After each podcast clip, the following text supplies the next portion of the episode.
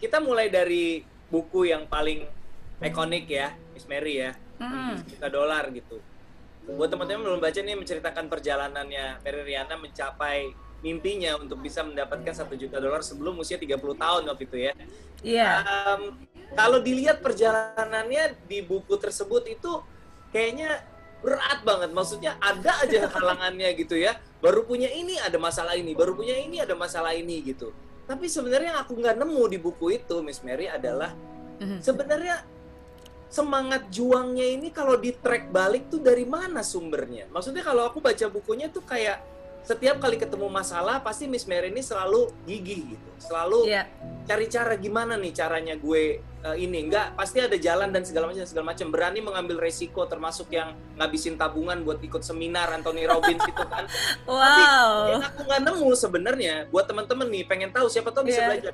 Kalau di flashback titik mulanya tuh kegigihan dan semangat juang ini menurut Miss Mary dari mana sumbernya? Apakah Yes, gensi dari orang tua atau ketika masa kecil pernah mengalami sesuatu yang membuat jadi semangatnya ditempa apa gimana sih Miss Mary kalau boleh cerita Yes, thank you Ernest, thank you udah baca bukunya ya. Karena Iya, yang iya. baru saja disebutkan itu itu nggak ada di film, itu hanya orang yang baca bukunya yang tahu dengan jelas dan detail.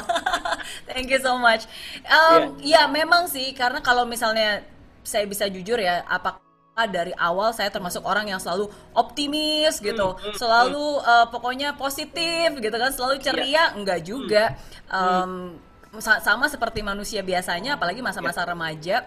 Ya. Kalau saya bisa bilang sebenarnya hidup saya berubah itu dan dibentuk karena krisis. Krisis tahun 98. Waktu Ya. itu uh, usia saya masih 18 tahun, baru lulus SMA. Iya.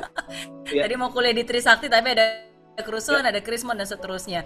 Dan harus hidup sendiri, jauh dari orang tua, jauh dari siapa-siapa dan hidup dengan keterbatasan, hutang, uh, keterbatasan uang, keterbatasan bahasa gitu. Jadi terus terang pada saat itu saya bukan orang yang positif, justru saya um, apa ya? Saya banyak komplain. Saya merasa hidup ini gak adil. Iya, saya iya, merasa bahwa uh, kenapa saya seperti Iya. ini?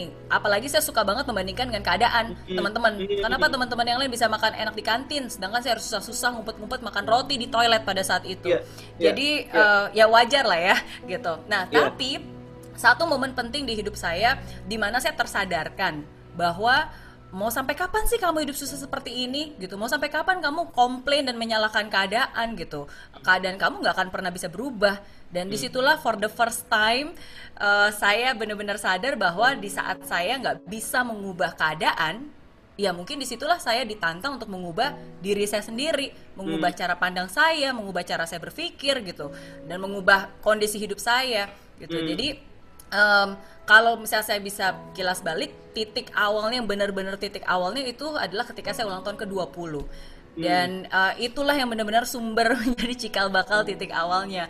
Em, yang udah pernah nonton film Mary Riana pasti tahu ya ada adegan eh, Chelsea Islan yang eh, apa bawa kue. Udah ngambil flash disk sekalian Boleh, boleh, boleh, foto-foto lama. Ayo dong ayo dong mana dong? Oke oke. Bentar bentar bentar. Ini tadi saya habis buka. Nah saya mau kasih ini dulu nih. Gak tau deh Aris udah pernah lihat. Ya ini sih udah pasti udah pernah lihat nah ini adalah Oh, em, aku kira mau Chelsea. kasih lihat foto aslinya yang melatari adegan ini.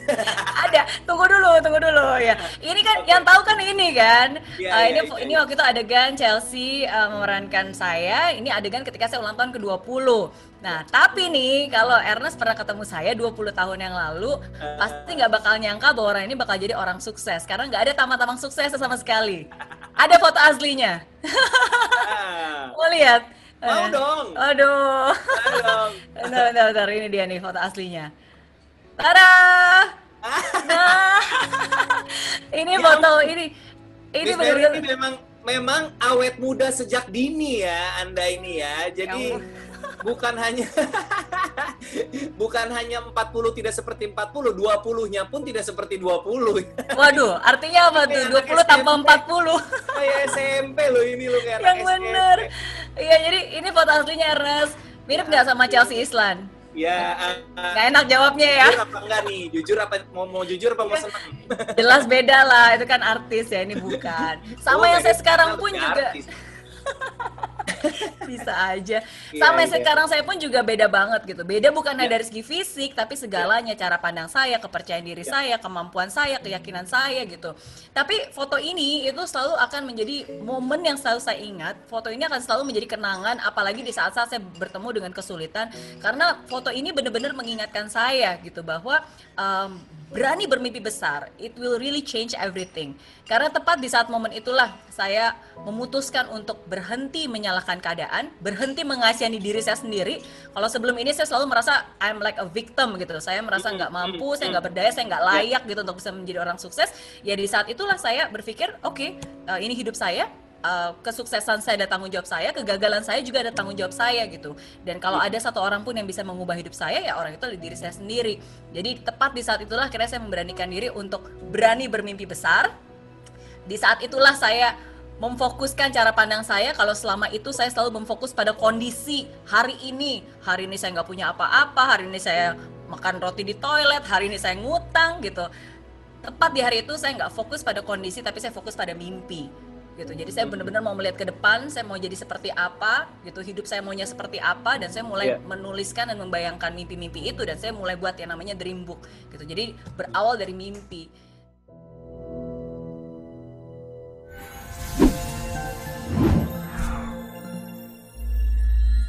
Di aplikasi Mary Riana tersedia lengkap video-video YouTube terbaru saya, artikel yang up to date, post inspirasi, koleksi merchandise, workshop dan seminar yang bisa kamu dapatkan free dan download sekarang juga gratis.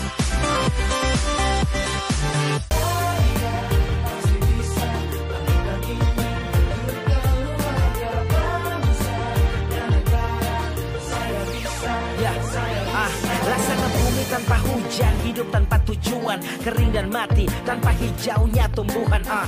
Demikian kalau mimpi tak kunjung